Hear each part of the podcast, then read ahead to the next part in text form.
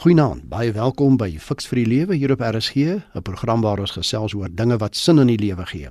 Ek is Flip Loots en vanaand kuier saam met my die teoloog en ook voormalige president van die AGS van Suid-Afrika, Dr. Isak Burger. Goeienaand Isak. Goeienaand Flip. Al kan ons vanweë die inperkings wat ingestel is rondom die koronavirus nie vanaand luisteraars se SMS'e regstreeks hanteer nie, is jy nog steeds welkom om jou opinie vir ons deur te stuur. Gebruik die SMS nommer 45889. Onthou net die SMS se kos R1.50. Onthou dat hierdie program nie aan jou as luisteraar voorskrifte gee van presies hoe om te lewe nie, maar riglyne waarbinne jy self keuses kan maak. En RSG stem ook nie noodwendig saam met die opinie van enige persoon wat aan hierdie program deelneem nie. Baie mense se koppe hang en daar's diep fronse op die voorkoppe. En dit alles oor die COVID-19 virus en die gevolge wat dit vir ons inhou. Die grendeltyd maak dinge moeilik. Ek word voorgesê hoe om te lewe.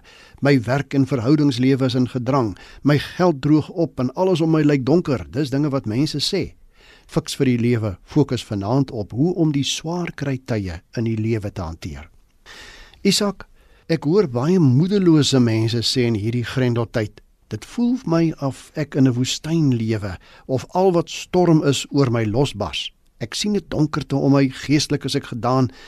Hoekom laat God sulke dinge en sulke tye in mense se lewens toe? Flip, inderdaad is daar sekere beeldsprake, natuurlike gebeurtenisse wat ons gebruik om ons geestelike en gemoedstoestand aan uitdrukking te gee. En jy het reg twee genoem, naamlik storms en woestyne. Dit is deel van ons spreektaal. Mense verstaan heeltemal as iemand sê ek gaan deur 'n storm of ek bevind my in 'n woestyn. Daar's natuurlik 'n ander begrip wat ook baie toepaslik is in hierdie konteks as beeldspraak en dit is die van seisoene in 'n mens se lewe. Veral wat ons nou in hierdie tyd natuurlik sal na verwys vir baie van ons ten minste as 'n wintertyd in ons lewe. Hierdie dinge, storms en woestyne en winters is deel van die lewe, net soos wat dit deel is van die natuur en ons is ook deel van die lewe. So dit is ewe toepaslik op ons en dis ook interessant dat die Bybel heel dikwels van hierdie drie begrippe gebruik maak in die Ou en Nuwe Testament om ons te help. As jy dink dikwels Dawid byvoorbeeld in sy psalms gebruik maak van hierdie begrippe van storms en van stryd en woestyne en as ons dink aan hoeveel van die groot manne in die Bybel, God se mense wat voordat hulle iets baie spesiaals aangepak het of deur die Here gebruik is, byvoorbeeld in woestyne verkeer het.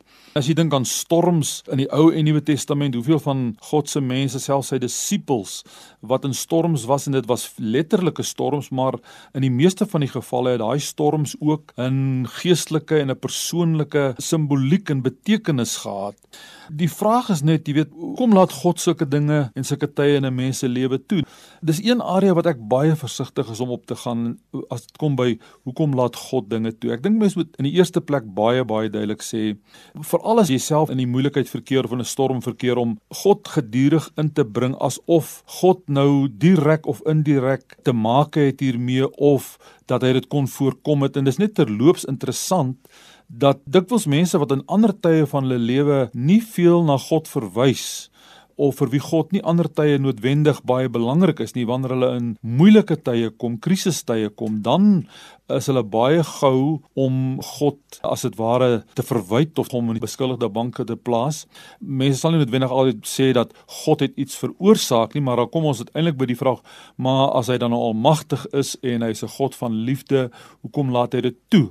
En ek moet eerlik sê daar sekerre omstandighede selfs oor die jare in my eie lewe dat 'n mens jouself kan op 'n plek bring wat jy jouself so kan vasredeneer wanneer jy vir God moet probeer verskoning maak of intree vir God dat daar doeteenvoudig plekke is wat ek nie eens wil gaan in my gedagtes om God in die beskuldigde bank te plaas. Ek dink net hier moet 'n mens baie duidelik sê, die lewe bevat storms. Daar is krisisse, daar is seisoene, daar's winters in die lewe en ons is deel van die lewe.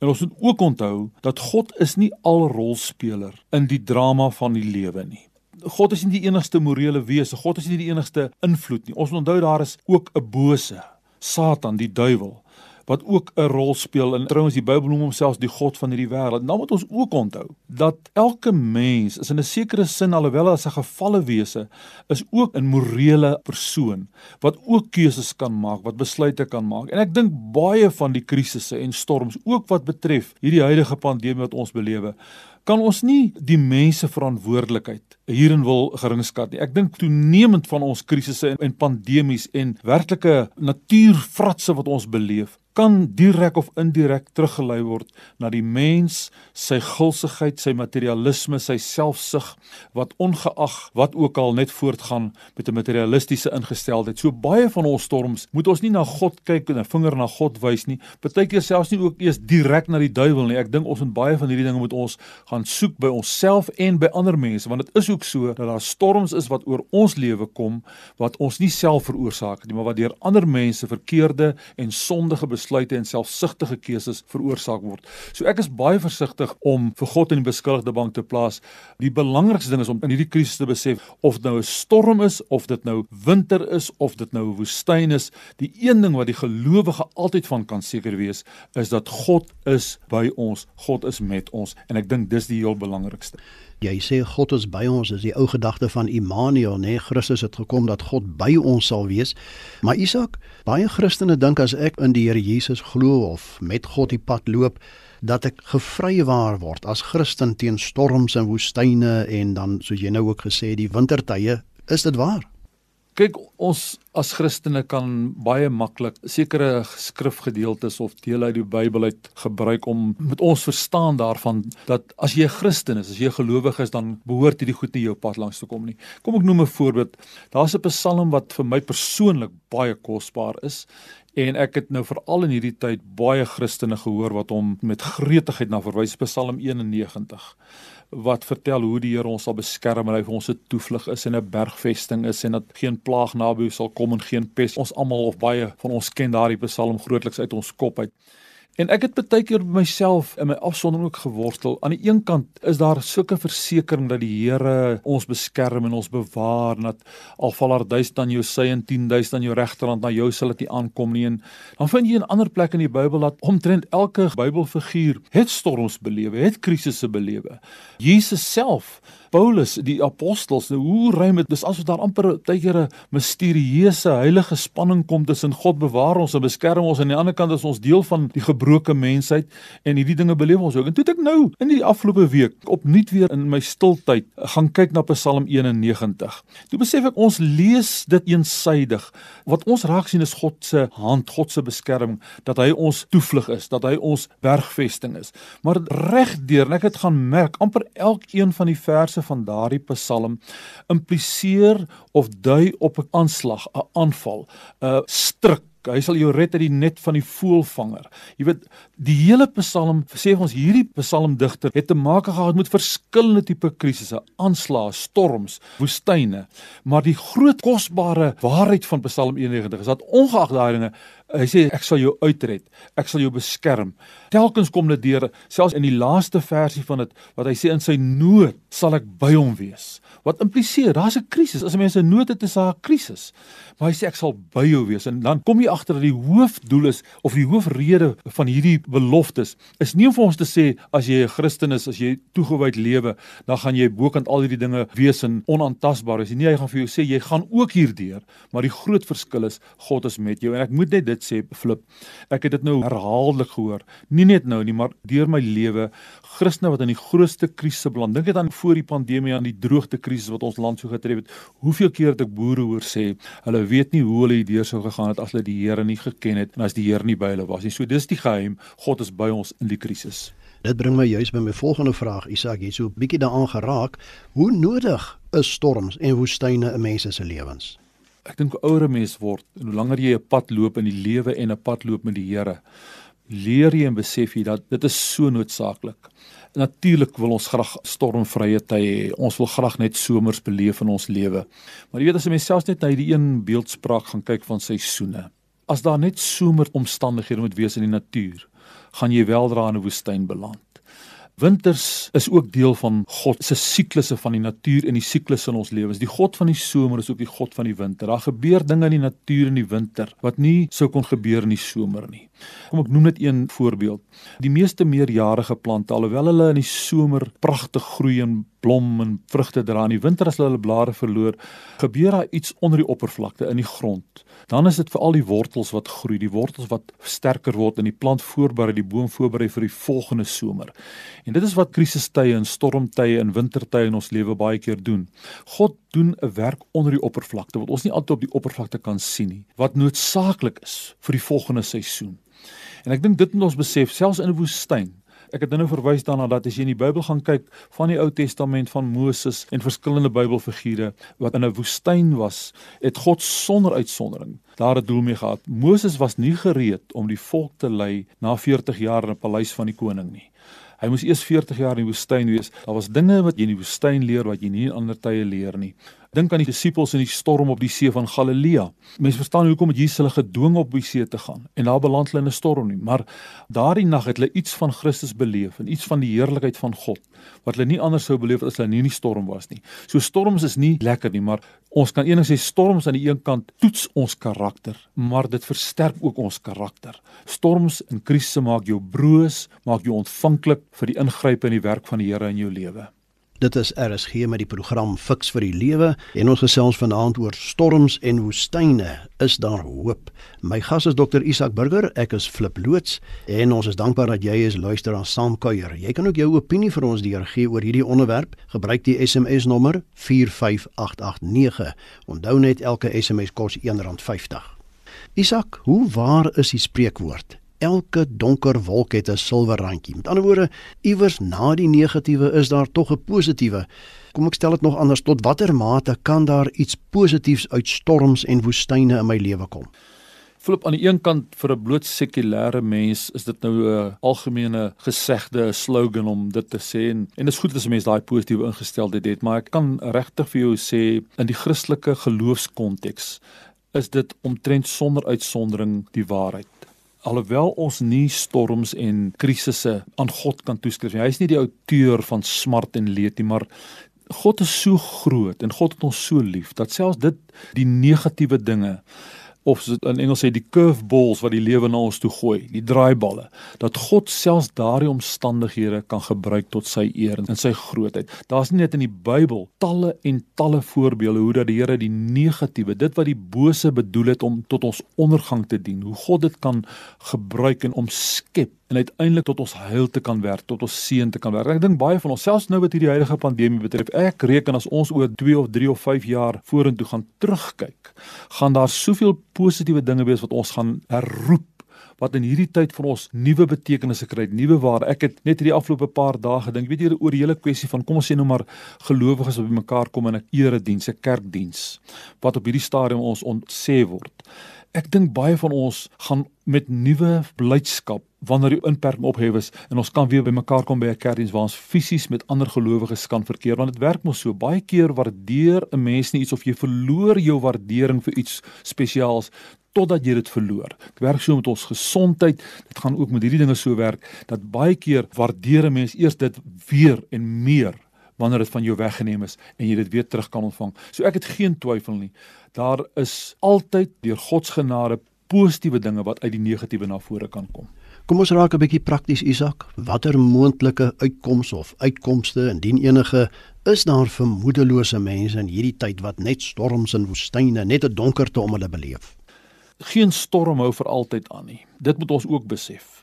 Winters wil baie keer vir ons al voel hulle wil net nie verbygaan nie. Hoekom hou dit so lank aan? Maar geen winter hou vir altyd aan nie. Storms gaan verby. Ons almal is vertrou in daardie eeue oue waarheidsgesegde wat sê dit sal ook verbygaan. Dit is moeilik om nou te sê wat gaan uiteindelik die voordele en die vrug en die seën daarvan wees, maar dis die rede waarom soveel gelowiges en ek dink baie van ons luisteraars wat nou na my luister het al in hulle eie lewe ervaar het as hulle by retrospeksie terugkyk na swaar kry tye, krisistye in hulle lewe dat hulle dan sê, "Toe ek dit nie verstaan nie, toe ek dit nie besef, toe ek dit nie ingesien, maar nou besef ek wat se voordeel daarvan. Daar is 'n ding soos 'n Engels praat van 'n blessing in disguise, 'n seën wat ons baie keer nie sien nie. Jy weet, ons dink altyd aan seëninge as goeie, mooi dinge wat gebeur, dinge wat ons onmiddellik bly maak en onmiddellik ryk maak. Andrew Murray het eenmal iets in die lyn gesê. Hy het gesê, "Die seën van die Here is dit wat meebring dat jy die wil van God in jou lewe volbring." En dit moet ons sê as 'n krisis, as 'n stryd, as 'n siekbed, as 'n pandemie, my kan help en lei om God se wil beter in my lewe toe te pas, dan was dit 'n seën. Dan kan selfs 'n siekbed 'n seën wees. Dan kan selfs finansiële verlies 'n seën wees. Want jy sien voorspoed en rykdom en meevallers wat in ons lewe kom, dien nie altyd daartoe om ons nader aan God te bring nie. Baie keer is dit juis krisisse wat jou meer broos maak, ontvanklik maak vir God se inspraak. Kan ek net 'n voorbeeld steun? Ek dink hoeveel gesinne in hierdie dae opnuut besef wat die waarde is van verhouding die betekenis om tyd met mekaar deur te bring, met jou kinders deur te bring, om meer aandag te gee aan jou gesondheid. As ek nou sien in die oggende vroeg hoeveel mense gaan draf, gaan stap. Ek dink daar's baie mense wat nou gaan stap wat nooit in die verlede gestap, wat nooit met hulle honde gaan stap nie. So daar's soveel dinge wat uit hierdie omstandighede na vore kom wat uiteindelik gaan blyk vir ons positief te wees. Jy luister na RSG met die program Fix vir die Lewe en ons gesels vanaand oor storms en woestyne. Is daar hoop veral in hierdie tyd met die koronavirus. My gas is dokter Isak Burger. Ek is Flip loods en baie dankie dat jy saamkuier as luisteraar. Onthou jy kan jou mening oor hierdie onderwerp van vanaand vir ons deurgee deur middel van die SMS nommer 45889. Onthou net elke SMS kos R1.50. Isak, storms en woestyne en wintertye in 'n mens se lewe soos nou wat ons belewe, die donkerte van alles om 'n mens, dit maak baie mense ongelukkig. Maar ek lees iewers geluk kan altyd gevind word, selfs in die donkerste tye as jy net onthou om die lig aan te skakel. dit klink baie eenvoudig, nê? Maar hoe skakel jy daai lig aan as dit soms voel of jy nie eens weet waar die skakelaar is nie? Ja, jy weet, Flip, mens ook waar daar's baie keer gesegdes wat filosofies nou mooi klink op die oor. Dit is maklik om vir mense te sê skakel net die lig aan of om te sê soos ons die, die ou bekende stelling weet ons kan nie altyd beheer uitoefen oor wat met ons gebeur nie maar ons kan beheer uitoefen oor wat in ons gebeur. En dit is mooi en is sekerlik waar, maar wanneer jy in daai krisis kom, is dit nie altyd so maklik nie. Dit is verseker. Vir my is die belangrike ding en ek wil dit hier beklemtoon. Ek dink dis 'n tyd waarin 'n mens moet vra wat is die fondasie van jou lewe? Jy weet 'n storm kan verwoestende implikasies hê as die fondasie van jou lewe nie gesond is nie. Jesus het eenmal die gelykenis vertel van 'n huis wat op sand gebou is en 'n huis wat op 'n rots gebou is. As 'n mens se fondasie van jou lewe sterk is, kan die gebou skade optel in 'n storm, maar jy kan weer oorbegin. Jy kan weer voorbegin as jou fondasie sterk is. En ek dink as ons vra wat is die lig wat aangeskakel moet word, jy kan dit nie losmaak vir ons as gelowiges van God, Christus, die woord van God. Ek meen die psalmis het dit gesê dat die woord is 'n lig op ons pad. Ek wil regtig waar vandag dit beklemtoon dat ons moet opnuut besef dat as Jesus Christus in my verhouding met hom die fondasie van my lewe is, dan kan ons storms trotseer en selfs wat ons skade mag ly, wat ons mag verloor, jy kan weer bou as jou fondasie sterk is. Paulus sê in Efesiërs, hy sê die vrede van God wat alle verstand te bowe gaan, sal julle harte en julle sinne bewaar in Christus Jesus. Los van God, as jy nie na die verhouding met die Here staan wat Jesus die fondasie van jou lewe is nie, dan is dit baie moeilik om met eerlikheid te sê daar sal lig wees en jy kan deurbyt na is 'n silwer randjie in die wolk. Dit is as gelowige wat die hele prentjie verander en daar's hoop, daar is 'n toekoms as ek gebou is my lewe op die fondament van Jesus Christus. 'n Mens kan baie pessimisties raak. Isak, as jy so kyk na die dinge om jou en hierdie beperkingstye waarin ons lewe, jy sien die donkerte raak. Daarom my vraag, watter rol speel realisme in die krisistye in 'n mens se lewe? Jy kan sekerlik nie verwag dat daar 'n son sal skyn te midde van donderweer of dat jy roomhuis te koop sal kry in die woestyn nie. Met ander woorde, hoe kan ek realisties in hierdie krisistyd waarin ek my nou bevind verwag dat alles maar weer dieselfde gaan wees in die toekoms as in die verlede? Ek dink dit is 'n baie belangrike kwessie daai want ek dink die gevaar is daar dat sommige gelowiges amper van die evangelie en van geloof in God 'n soort van 'n ja, ehm um, spookasem belofte maak en met mooi vlak storieetjies en oplossings kom vir groot krisisse. Ek wil hier miskien net hierop die klem lê dat Ons hoef nooit die werklikheid en die realiteit van iets soos waarin ons tans is te probeer wegredeneer. Ek dink dis die rede waarom ook baie keer samesweringsteorieë is om die realiteit en die werklikheid van die oomblik te probeer ontken. Maar wat ons ook vir ons moet sê, veral as gelowiges, die grootste realiteit van alles is God.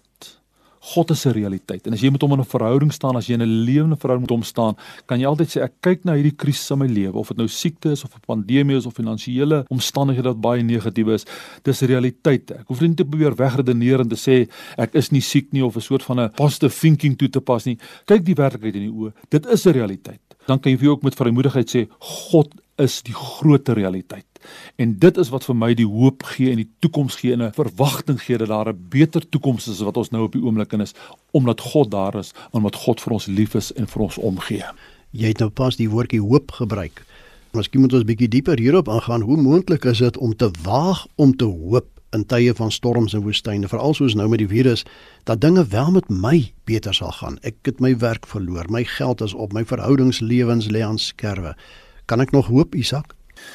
Wel ek dink dis een van die grootste vrugte van geloof in God. Paulus noem dit saam met liefde en saam met geloof. Dit kan nie anders wees nie. As jy in Christus glo, is daar hoop. Hoop vir hierdie lewe en hoop vir die lewe hierna. En dis nie spookasem nie. Dit is nie 'n illusie wat jy vir jouself probeer skep nie. Dis 'n seker seker hoop en wete en dit is seker omdat dit in God die groot realiteit gesetel is. So ek kan regtig vir ons luisteraars sê as Christus voor oë is, as jy glo in God, kan jy dit selfs wanneer jou greep verswak. Dis nie eintlik jy wat God so styf as hy is God wat jou vashou. Daar is hoop te midde en ongeag die omstandigheid. Kom ons vat saam wat vanaand se programme betref Isak. Waarom gaan mense, ook Christene, deur slegte ervarings in die lewe soos nou en hoe moet ons dit hanteer? Geef ons 'n bietjie raad. Ek wil raak waar ek aan die begin mee begin het en weer sê die lewe is nie net gladde of so in Engels sê smooth sailing nie. Die lewe is 'n drama. Die lewe bestaan uit 'n lewenssee wat nie net kalm is nie, maar ook storms het. Die lewe bestaan uit seisoene wat nie net lente en somer is nie, daar's ook winters. Die lewe bestaan uit 'n reis wat nie net deur pragtige landskap gaan, maar ook deur woestyne gaan. Dit is die realiteit van die lewe. Tussen die paradys en tussen die hemel is ons nou in hierdie ondermaanse area wat ons dit nie kan ontken nie en ons as Christene is op dieselfde aarde in dieselfde omstandighede. Dit is die werklikheid. Dis die realiteit. Maar die verskil kom daarin ons kan sê wat ons aan die begin af verwys het, Immanuel, God is met ons. En dis die een ding wat ons kan vashou wat ons met 'n absolute sekerheid kan sê, die Here sal ons nooit verlaat nie. Jesus was vir 3 ure aan die kruis verlate deur God sodat ek en jy en die wat aan hom glo nooit hoef te vra my God my God waarom het U my verlaat nie hy is by ons al hoor ons hom nie kan ek afsluit deur te verwys na 'n inskripsie wat in een van Hitler se strafkampe in die muur uitgegraveer is. Dit het so gelei, ek het dit in Engels gelees. Hy sê I believe in the sun even when it's not shining. I believe in love even when I feel it not. I believe in God even when he is silent. Dit dan al 'n finansie fiks vir die lewe. Baie dankie dat jy saamgekuier het en ook 'n groot dankie aan my gas Dr. Isak Burger vir sy bydrae. Isak, indien van ons luisteraars verder met jou wil kommunikeer, hoe kan hulle dit doen? Hulle is baie welkom flip by my e-posadres, baie maklik. Eers my van burger en dan Isak, Isak met 'n S, alles klein lettertjies aan mekaar geskryf, burger Isak by gmail.gmail.com. burgerisak@gmail.com. En my kontakinligting flip by mediafocus.co.za. Onthou ook dat hierdie program op RSG se webwerf onder potgooi bietjie later in die week beskikbaar sal wees om weer na te luister. Tot ons weer saamkuier volgende Sondag. Alles wat mooi is. Totsiens.